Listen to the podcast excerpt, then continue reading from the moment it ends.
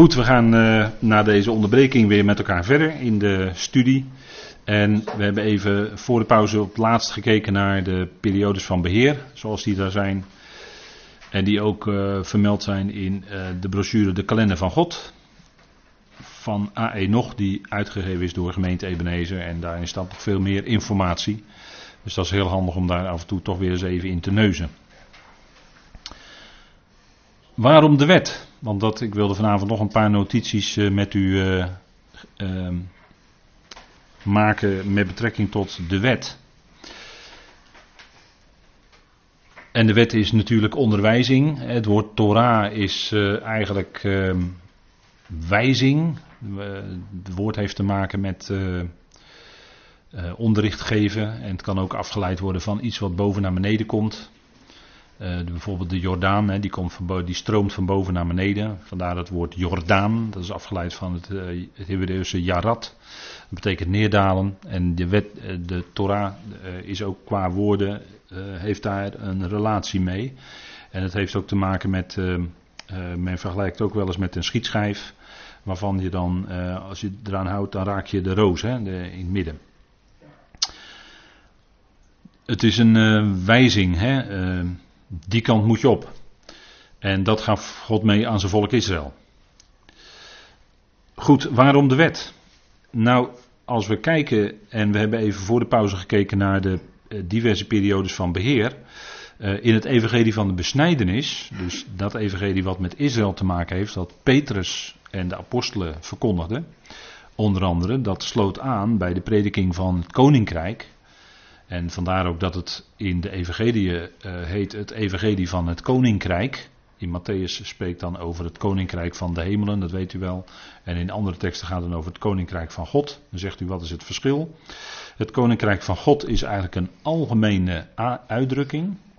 Veel mensen, en ik zeg dat omdat veel mensen, als ze daarover praten, dan merk je dat ze ook met het koninkrijk van God dat versmallen en beperken tot het koninkrijk van God zoals het op aarde komt. Maar dat is niet het geval. Koninkrijk van God wil zeggen, God, eh, God is de plaatser en die geeft alles in zijn hele schepping de plaats.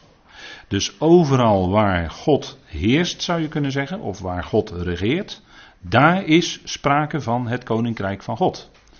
Dus voor ons is het aspect in de hemelen, het koninkrijk van God. Dat is onze toekomst. We hebben een hemelse toekomst. En voor Israël is het koninkrijk van God op aarde. Maar het zal uiteindelijk de hele schepping omspannen. En waarom spreekt Matthäus dan specifiek over het koninkrijk van de hemelen? Omdat Matthäus de Jezus schildert als de koning, de koning, de komende koning van het koninkrijk. En dan gaat het specifiek om het koninkrijk wat naar Daniel uit de hemelen op de aarde komt. De God des hemels zal een koninkrijk oprichten en hij zal het aan een volk geven en dat zal niet meer vergaan, zegt Daniel 2, vers 44. Vandaar koninkrijk der hemelen, dat der hemelen, dat duidt op de oorsprong waar het vandaan komt. Het komt namelijk uit de hemelen op aarde. Dus het koninkrijk der hemelen is niet de hemel, dat is, daar is veel verwarring over. En dan krijg je al die beelden van Petrus bij de hemelpoort en dat soort dingen. Dat is helemaal niet waar. Nee, het koninkrijk der hemelen komt uit de hemelen op aarde. Dat is waar Matthäus knoopt aan bij Daniel. En het koninkrijk van God is dus veel breder. Want Paulus zegt toch bijvoorbeeld in Romeinen 14 dat het koninkrijk van God niet bestaat in eten of drinken, maar in gerechtigheid, in liefde, in de kracht van de Heilige Geest. Als die dingen zichtbaar worden, dan is daar het koninkrijk van God. En voor ons, nogmaals, is dat straks boven. Dat evangelie van de besnijdenis omvat dus ook dat, is een, dat is een algemene term. Dat omvat dus ook dat evangelie van het koninkrijk. Dat is het koninkrijk wat Johannes predikte toen hij onder zijn volk zei: Bekeer je, want het koninkrijk is nabijgekomen. Dat predikte de Heer Jezus ook. Die zei ook: Bekeer je, want het koninkrijk der hemel is nabijgekomen. Dat is een onderdeel van het evangelie van de besnijdenis. Petrus ging daar verder mee en daarin geldt ook in de toekomst nog en ook in de tijd van handelingen gold nog steeds de wet. Dat merk je heel sterk bij Jacobus in handelingen. Die was nog heel erg bezig met de wet. Dat ze toch ook de wet moesten houden. En de sabbat moesten vieren en de feesten enzovoort. Nou goed, dat is in de lijn van Israël, is dat volstrekt logisch. De wet blijft, heb ik op deze. De wet blijft tot en met de duizend jaren. Ja, dat is misschien wel een opmerkelijke. Maar dat zei de Heer Jezus in Matthäus 5. Laten we even met elkaar opzoeken. Matthäus 5. En daar spreekt hij de bergreden uit. Die ook wel genoemd wordt de grondwet. Of de grondregels van het koninkrijk. Maar ook dat is weer beperkt tot Israël. Hè. Vanuit Israël zal dat uitgedragen worden naar de volkeren inderdaad. Maar dat is niet iets wat voor nu per se geldt. Natuurlijk is al de schrift tot, ons, tot onze lering en onderwijzing. Maar je kunt die bergreden niet zo zonder meer op het lichaam van Christus toepassen. Matthäus 5, vers 17. Even voor het verband. Denk niet dat ik gekomen ben om de wet of de profeten af te schaffen. Ik ben niet gekomen om die af te schaffen, maar te vervullen. En met de vervulling kwam de Torah, zegt Paulus in Romeinen 10, met die vervulling kwam die wet ook tot een voleinding. Hij werd voleindigd, dat, is, dat woord gebruikt Paulus in Romeinen 10, vers 4. Met dat vervullen van die wet kwam die wet ook tot een voleinding in Christus. In hem. Hij heeft die wet gedaan. Hij, hij hield zich aan de wet. Hij volbracht en hij vervulde daarmee de wet. Want na hem was in feite geen enkel offer meer nodig. Zegt ook de Hebreeën schrijver hè, in Hebreeën 8 en 9. Maar toch, want in die zin wordt het onderwijs gaat dan door in de duizend jaren. Want mensen vragen zich af, als ze Ezekiel lezen, waarom worden er nog offers gebracht in de duizend jaren? Nou, dat is om een onderwijs te geven achteraf van de betekenis van het kruis van onze Heer Jezus Christus. Dat is gewoon onderwijs wat terugwijst. En daarna worden daar nog steeds offers gebracht. Niet dat die geldingskracht kunnen hebben voor de zonden, maar om aanschouwelijk onderwijs te zijn. Dus die wet, de, de Torah blijft nog tot en met de duizend jaren. En dan lezen we uh, vers 18. Hij zegt, want voorwaar, ik zeg u, totdat de hemelen en de aarde voorbij gaan, zal er niet één jota of één titel van de wet voorbij gaan totdat het alles is geschied. Dus u ziet, totdat deze huidige hemel en aarde verbranden, tot zolang geldt deze Torah, zegt de Heer. En die zal ook gelden in dat komende koninkrijk. Dat koninkrijk wat op aarde opgericht zal worden, eerst over Israël en vanuit Israël over de gele aarde. En dan zal men ook moeten komen. Men zal moeten komen om het Loofhuttenfeest te vieren. Men zal moeten komen en men zal zich eraan moeten houden op straffen van. Hè? En dan zal er ook iets gruwelijks eh, aanschouwelijk zijn voor de volkeren die in Jeruzalem komen. Maar daar komen we nog op. Want die duizend jaren, er wordt altijd heel, heel erg geïdealiseerd. Maar die duizend jaren, de komende koninkrijk, is lang geen ideale situatie hoor. Daar is het ook nog lang niet afgelopen met het zondigen. Dat gaat daardoor wel veel minder, maar het gaat daar wel door. En de mensen zullen daar ook sterven. En de mensen zullen zelfs als gevolg van het gericht gedood worden. Dat zal uitgevoerd worden, onder andere in Israël. Dus die duizend jaren is helemaal niet zo'n ideale situatie. Daar zullen nog heel wat legers ook gaan omkomen in de duizend jaar. Maar goed, dat is een heel, heel ander verhaal. Maar de duizend jaar is lang niet zo ideaal. Dat wordt altijd wel gedacht, maar dat is niet zo. Wordt al gezegd, duizend jaar vrederijk. Ja, dat komt omdat de Heer dan met een ijzeren roede de shalom zal bewaren en bewaken. Dus hij zal zijn volk bewaren, maar zodra de volkeren tegen zijn volk in opstand komen, zal hij dat dus met een ijzeren roede neerslaan. En als, als onderwijs aan al die volkeren, waag het niet om tegen mijn volk nu op te trekken, militair of wat dan ook, want je hebt gezien wat er toen gebeurd is. En dat is waarschijnlijk Gog en Magog, hè? Ezekiel 38 en 39. Dat zal waarschijnlijk in de duizend jaar gebeuren. En zelfs nog redelijk aan het begin ook. Als net dat, uh, dat antichristelijke wereldrijk van Babylon vernietigd is, dan zal het, het rijk van Christus hier op aarde, de Messias, opgericht worden vanuit Israël. Maar dan zal er waarschijnlijk aan iets na dat begin van de duizend jaar zal, zullen Gog en Magog nog een keer optrekken. En dan zullen ze neergeslagen worden. En dat zal aanschouwelijk onderwijs zijn voor alle andere volkeren. Zodat die niet hoeven te wagen dat, nog eens, dat huzarenstukje nog eens een keer te herhalen. De ijzeren roede van de Messias.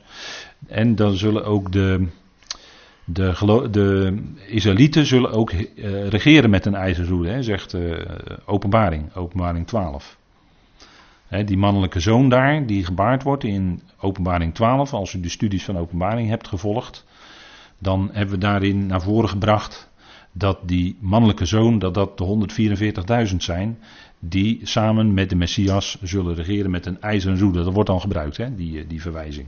Dus moet u dan maar dus Openbaring 12 er nog eens bij pakken en erop naluisteren.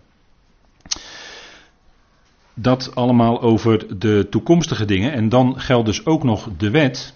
En waarom de wet? Dat is de volgende vraag. Waarom de wet? De volgende dia. De wet werd niet gegeven, nogmaals, om die in acht te nemen. Dat leek wel zo. Dat leek wel zo. Maar de wet moest een demonstratie zijn dat de mens in zijn eigen vlees onder de zonde niet in staat was die wet te houden. Absoluut niet. En bij Israël is die demonstratie duizenden jaren lang uitgebreid geweest. Vandaar dat als mensen toch weer onder die wet willen gaan leven, is dat eigenlijk een beetje vreemd. Want dan zou je kunnen denken, hebben ze dan niet gelezen in Tenach hoe dat allemaal gegaan is met Israël? Hebben ze dan niet gelezen wat Paulus schrijft in Romeinen 7, die het zelf wist uit eigen ervaring, hoe het was om onder de wet te leven? Dat je een ellendig mens ervan wordt. Dat je altijd maar schuldig voelt. Je doet het nooit goed. Nee, want je bereikt geen perfectie onder de wet. Absoluut niet. Dan ben je steeds maar aan het proberen, proberen, proberen. En het is nooit genoeg. En je bent altijd schuldig en het is nooit goed. Dat ligt niet aan die wet hoor. Dat ligt aan het vlees van de mens. Dat die mens niet in staat is. Maar bij de genade begin je al met het geweldige waar je dankbaar voor bent, dat is dat je in Hem, in Christus, compleet bent. God ziet je zonder vlek of rimpel, onberispelijk in Christus. Daar begin je mee met de genade. Dan begin je al met de voorkomenheid. Nou, dank God daarvoor en leef daaruit. dus dat is, dat, is, dat is net andersom, hè. Kijk, en die wet werd ook niet gegeven om te gehoorzamen, zodat God zou belonen. Daar leek het wel op, maar in de praktijk was het niet Gods bedoeling. Gods bedoeling was om die zondaar of de zonde nog erger zondaar te laten zijn. Dat zegt Paulus in Romeinen 7. Hè? En, en dan al die mensen die graag dan die wet als leefregels op andere gelovigen willen leggen, dan denk ik van, heb je dan niet gelezen dat? Heb je dan niet gelezen dat? Dat is het punt, hè? Want je begint bij, echt bij de andere kant hoor. Goed, dan de decaloog, de tien woorden, zoals die dan steeds uh, voorgelezen worden. Exodus 20. En het valt gewoon op, en ik heb dat hier cursief ook aangegeven, uh, dat niet hè. Het is allemaal wat je niet zult doen. Je zult niet moorden. Je zult niet echtbreuk plegen. Of je mag dat ook vertalen met overspel plegen. Je zult niet stelen. Je zult niet een vals getuigenis geven aan je naaste. En dat wees vooral op het uh, als er een rechtszitting moest plaatsvinden. Je zult niet begeren het huis van je naaste. Je zult niet begeren de vrouw van je naaste. Nog zijn akker, nog zijn slaaf, nog zijn slavin, nog zijn rund, nog zijn ezel. Nog iets dat van je naaste is. En dan zeg je van, ja, maar als alle mensen dat nou eens in as zouden kunnen nemen, dat zou toch geweldig zijn? Natuurlijk. Natuurlijk, kijk, daarom zegt Paulus later ook, die spreekt dan over de liefde. En als je die, want dat is de samenvatting van de hele Torah, hè, Leviticus 19, dat staat ook bijna in het hart van de Torah. Als je naaste lief hebt als jezelf, dan zit dit daar allemaal bij in. Dus die wet spreekt wel degelijk, die Torah spreekt wel degelijk van de liefde. Maar het punt is natuurlijk nogmaals dat die mens uit zichzelf niet in staat is om. En als je dit zo leest, dan zou ik zeggen, nou, ga op Netflix kijken. Zet daar dus een film aan en dan kom je al deze dingen tegen. Want zo zit de samenleving wel in elkaar dat, dat, we dus mensen, hè, dat men dus mensen uh, vanuit Hollywood, laat ik maar even kort samenvatten, voeden met deze dingen. Er zijn natuurlijk genoeg goede films ook hoor, daar niet van. Maar heel veel films zit dit gewoon allemaal in. En daar, daar worden de mensen mee gevoed. En denk ik, is dat nou de bedoeling? Nee, absoluut niet. Hè. Als, als, als dit allemaal in acht genomen zou worden, ja, dan zou het. Uh, want dit zijn allemaal dingen. Eh, als je die dus wel doet, hè, je zult niet. Maar als je dat wel doet, brengt dat ontzaglijk veel verdriet. En ellende en, en, en, en, puin en, en, noem alles maar op. Hè. En dit werd dan aan Israël gegeven. Uh, terwijl Israël tegelijkertijd in de wet zelf ook allerlei regels had. Als we beginnen bijvoorbeeld bij je zult niet moorden. Een doodslager die moest zelf ook weer ter dood gebracht worden.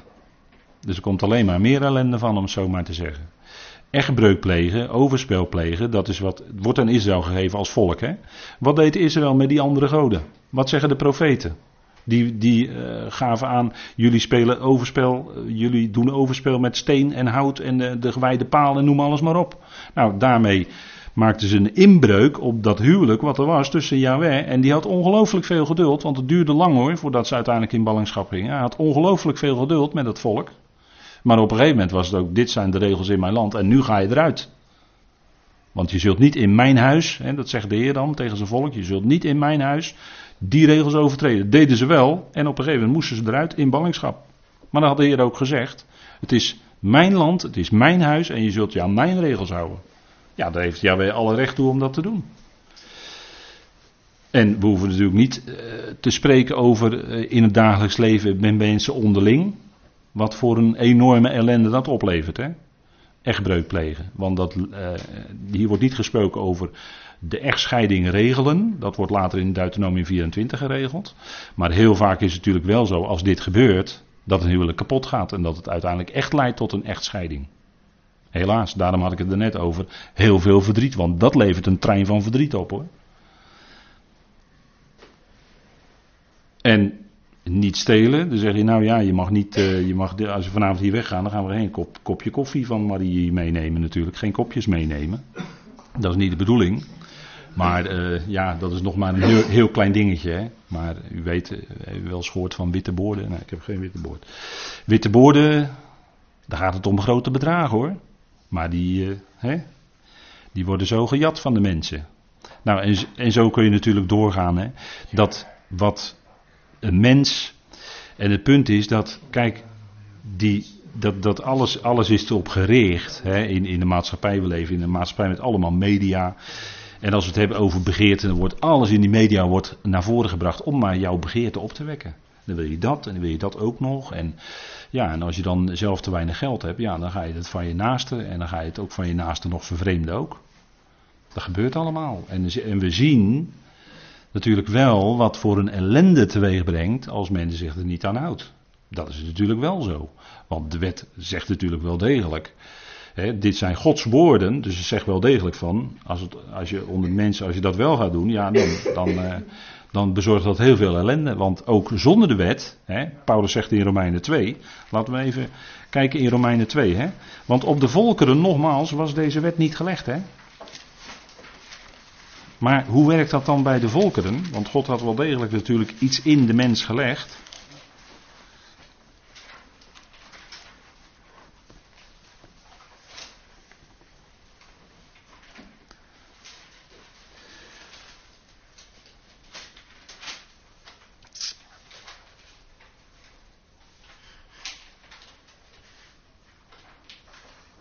Nou, beginnen we even Romeinen 2 te lezen vanaf vers 12. Want zij die zonder wet gezondigd hebben, zullen ook zonder wet omkomen of verloren gaan. En zij die onder de wet gezondigd hebben, zullen door de wet geoordeeld worden. Dus als het uiteindelijk bij de grote witte troon komt, degenen die onder de wet waren, die zullen, die zullen zwaardere maatstaf aangelegd krijgen. Die zullen zwaarder gericht worden bij de grote witte troon. Vergis je niet, hè? Vergis je niet. Niet, en dan zegt Paulus in vers 13, niet de hoorders van de wet zijn immers rechtvaardig voor God, maar de daders van de wet zullen gerechtvaardigd worden. En in de praktijk kon niemand het. Ja, één, onze Heer. Dat is de uitzondering. Maar verder kan niemand dat. Want wanneer de natieën, de heidenen, die de wet niet hebben, van nature doen wat de wet zegt, zijn zij, hoewel zij de wet niet hebben, zichzelf tot wet. Kijk, God had ook nog eens een keer iets in die mens gelegd, waardoor die mens beseft en ervaart van al die dingen die in, wij weten uit de wet van Israël, en wat Israël zelf dan ook weet uit de wet. Maar als je dat niet weet, functioneert het wel degelijk allemaal precies eender hoor, onder de mensen. Ook al hebben ze de wet niet. Dat is wat Paulus hier zegt. Hè? Zij tonen dat het werk van de wet geschreven is in hun hart. Daar getuigt ook hun geweten van. Hé, hey, het geweten, dat is toch een lampje. Maar geweten, dat is heel flexibel hè. Een geweten kan je ook helemaal dichtschroeien, kan je helemaal uitschakelen. Daar zijn hele erge voorbeelden van te noemen hoor. En hun gedachten, daar getuigt ook hun geweten van, en hun gedachten onderling elkaar beschuldigen of ook verontschuldigen. Want het is maar net hoe scherp je geweten is, hè? En je kan je geweten natuurlijk sussen en proberen het zwijgen op te leggen, enzovoort, enzovoort. Hè? Zo gaat het bij mensen. En dan zegt Paulus, op de dag, want dit komt allemaal natuurlijk echt naar voren, op de dag wanneer God de verborgen dingen van de mensen zal richten door Jezus Christus. Overeenkomstig mijn evangelie. hey, de verborgen dingen. Dus niet alleen de werken komen aan de orde, maar ook de verborgen motieven waarmee die werken gedaan worden. Dat komt aan de orde. En wat in het verborgen heeft plaatsgevonden. Wat men doet achter de coulissen. Maar de coulissen, die zijn daar niet meer hoor, bij de grote witte troon. Die zijn weg. Alle gordijnen zijn dan opzij geschoven. Dan kun je niet meer verschuilen. Als, uh, als zondaar, als mens daar. Dat komt allemaal daar aan de orde. En dan is het voor de Jood daar, die daar komt bij die grote witte troon, is het nog zwaarder, want die hadden wet gekregen.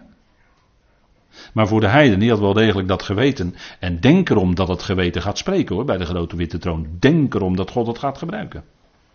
En dan krijg je over elke ziel van de mens verdrukking, benauwdheid en noem alles maar op. U moet ook niet te makkelijk denken hè, over die grote witte troon. Dat is niet zomaar iets hoor. Dat is ook niet zomaar voorbij. Even een seconde of zo. Nee, dat is een hele belangrijke grote stap die God zet in zijn plan. Dat is echt een sessie hoor, wat daar gaat plaatsvinden. Dan gaat de film van ieders leven gaat draaien. En dan komt alles komt aan de orde. Met de verborgen motieven. Dat is de grote witte troon. Dat is niet zomaar. De, hè, dat is, uh, ja, kijk, we spreken veel over genade. En dan uh, denkt men al gauw dat wij heel makkelijk over dit soort dingen heen stappen. Nee, de schrift is heel duidelijk. Dat gaat allemaal aan de orde komen. Dus die mens uit de natieën, die heeft ook in zich meegekregen. En dat geweten wordt natuurlijk gevormd in die jonge jaren enzovoort. Hè, wat de ouders dan aanbrengen. En de leren kinderen van alles van. En, en dan wordt het geweten ook gevormd.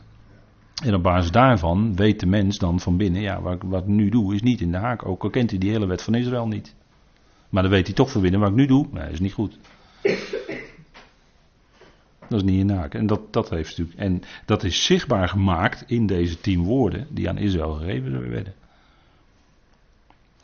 En het punt is dat dit allemaal ook, wat ik net al zei, je zult niet, hè. Maar dit is ook wat Israël in de komende duizend jaar veel meer in praktijk zal kunnen brengen. Want het woord zult is een belofte. Er staat namelijk in het Hebreeuws bij elk woord, uh, elke werkwoordsvorm, die begint met een bepaalde Hebreeuwse letter. En dat is de letter taf, dat is de letter van de toekomst. Dat wil zeggen dat het de toekomstige tijd is. Eigenlijk worden hier beloften uitgesproken.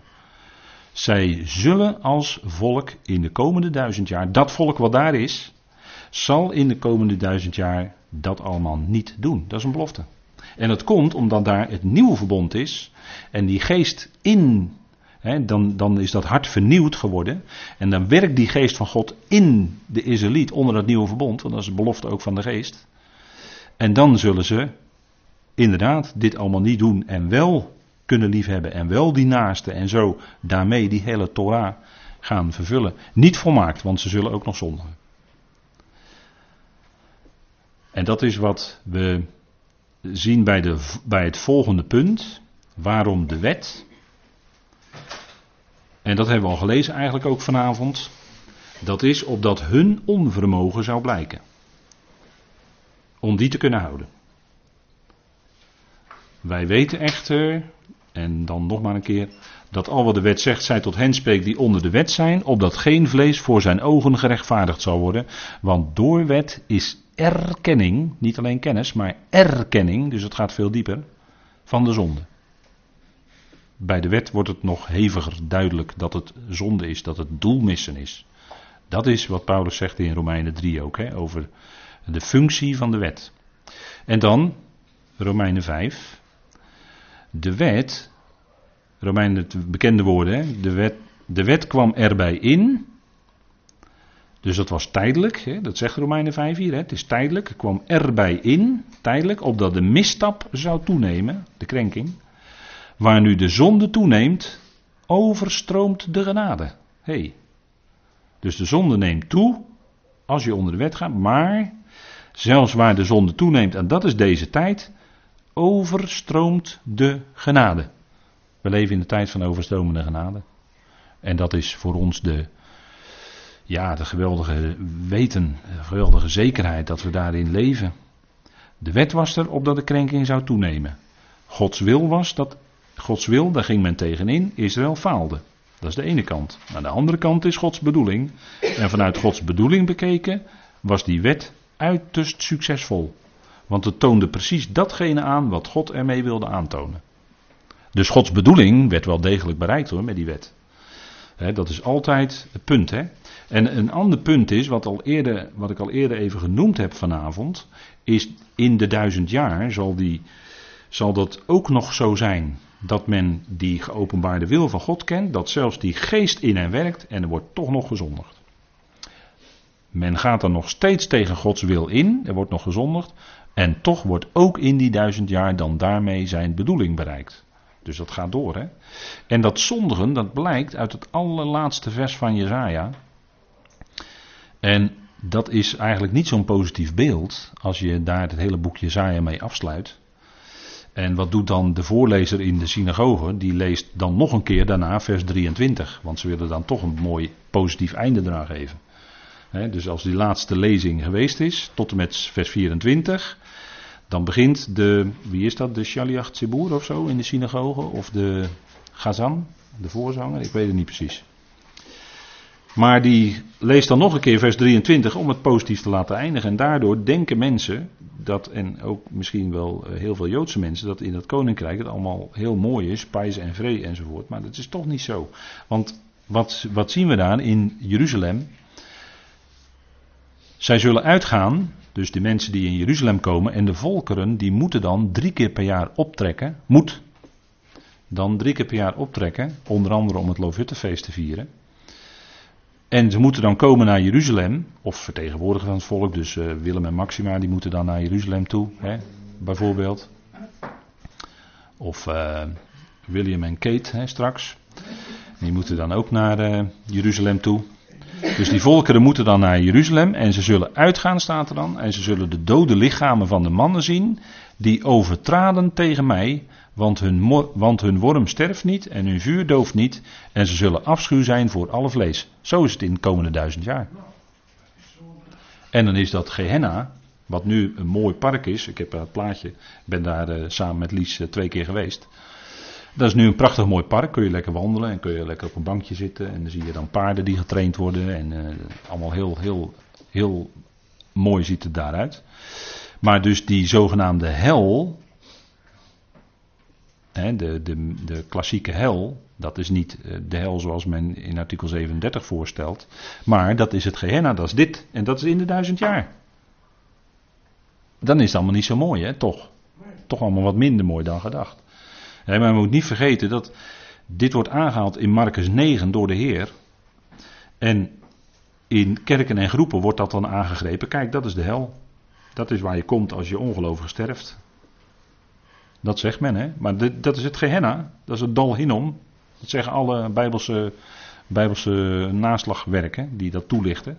Dat is het Dal Hinnom bij Jeruzalem. Daar gaat het om. Gaat die om een hel of zo. Maar zij zullen daar dan zijn. Ze zullen daar dan uh, verbrand worden. Samen met het afval van de stad. Dat is de komende duizend jaar. En dat wordt bijvoorbeeld ook genoemd in, uh, in Zacharia 14. Want dat gaat ook over de duizend jaar. En dat is even voor ons om ons beeld wat bij te stellen hè, over die duizend jaar die komt. Zacharia 14.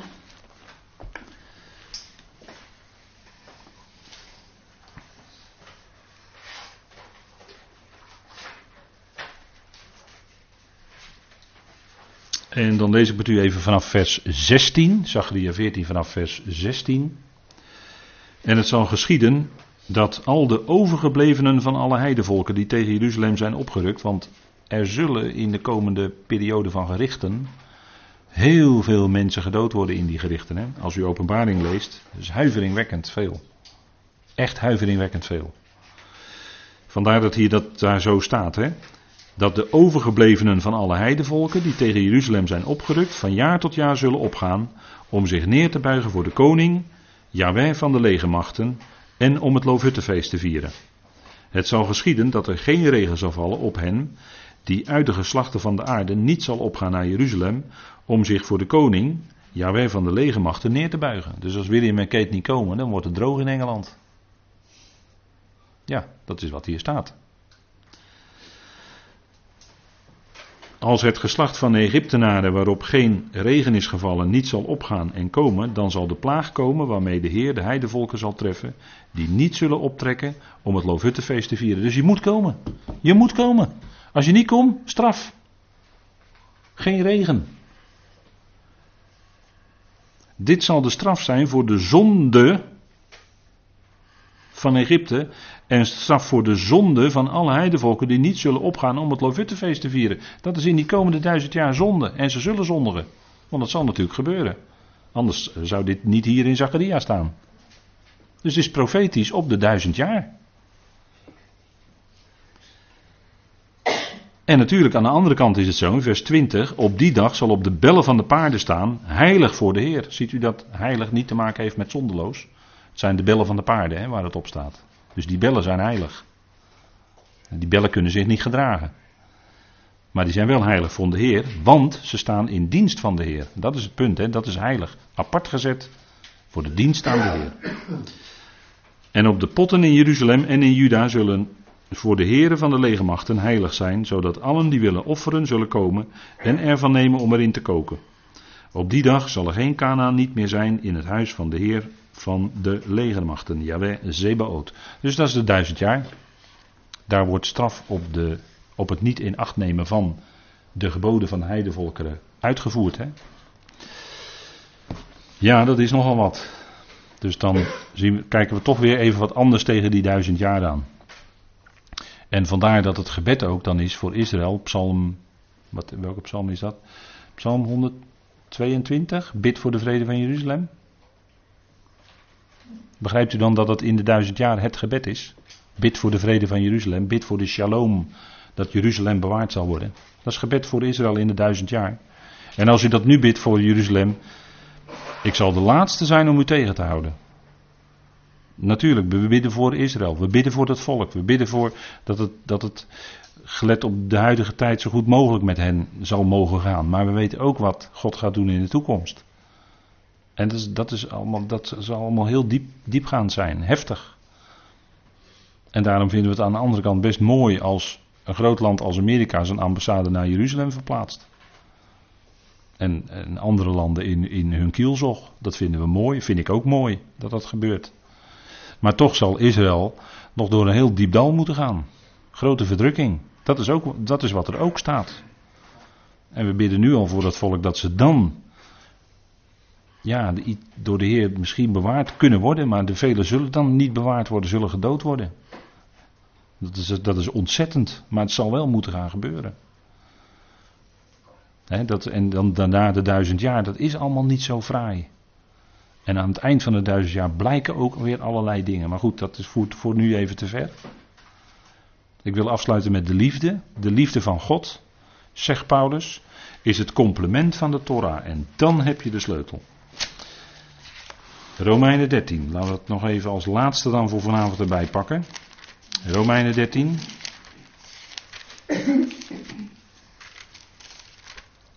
En dat staat in het stukje voor onze praktijk.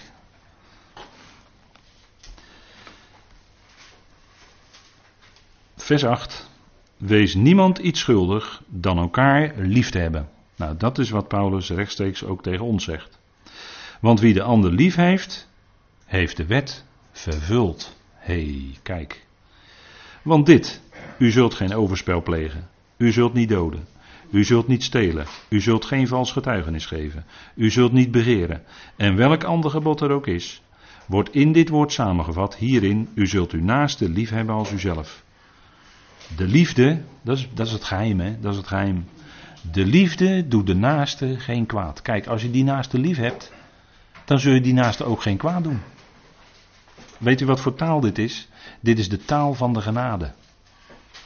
Geweldig hè? Dit is de taal van de genade. De liefde doet de naaste geen kwaad. En daarom is de liefde het complement van de Torah. Dat is wat er aan nog toegevoegd wordt, wat er nog aan ontbrak. En dat was eigenlijk de essentie die ontbrak. Die liefde zat niet in het hart van de Israëliet en zit ook niet vanuit onszelf in ons eigen hart. Nee, die liefde is alleen door zijn geest in ons. En vanuit dat kunnen we die ander echt lief hebben. En dan doe je daarnaast er geen kwaad. En daarin zit in feite vervat al wat die Torah zegt. Al wat die tien woorden zeggen, dat zit daarin opgesloten dan. Dat is dan een compleet, prachtig mooi plaatje. De ander liefhebben. En dat is waar het in feite in de Torah om ging, maar de kracht ontbrak.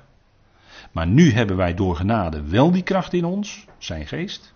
En daardoor zijn we wel in staat die ander lief te hebben. En dat is het, waar het om gaat. Hè? En dat is in feite ook waar die hele Torah voor bedoeld was. Daar, daardoorheen spreekt de liefde van Yahweh. Nou goed, dat is dan de afsluiter voor vanavond. Zullen we de Heer danken?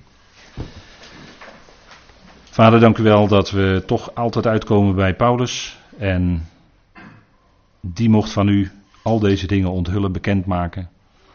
Vader, zulke geheimen. Vader, dank u wel dat in die liefde, Vader, daar komen we toch steeds weer bij uit. Uw liefde. Die heeft u in ons hart uitgegoten door Heilige Geest. Dat is geweldig, Vader, daar dank u voor. En dank u voor al die aanwijzingen die Paulus dan in zijn brieven geeft. Hoe we leven. Door elkaar lief te hebben. Elkaar geen kwaad te doen. Maar de ander de ruimte geven. En helpen waar nodig. Vader, dank u wel.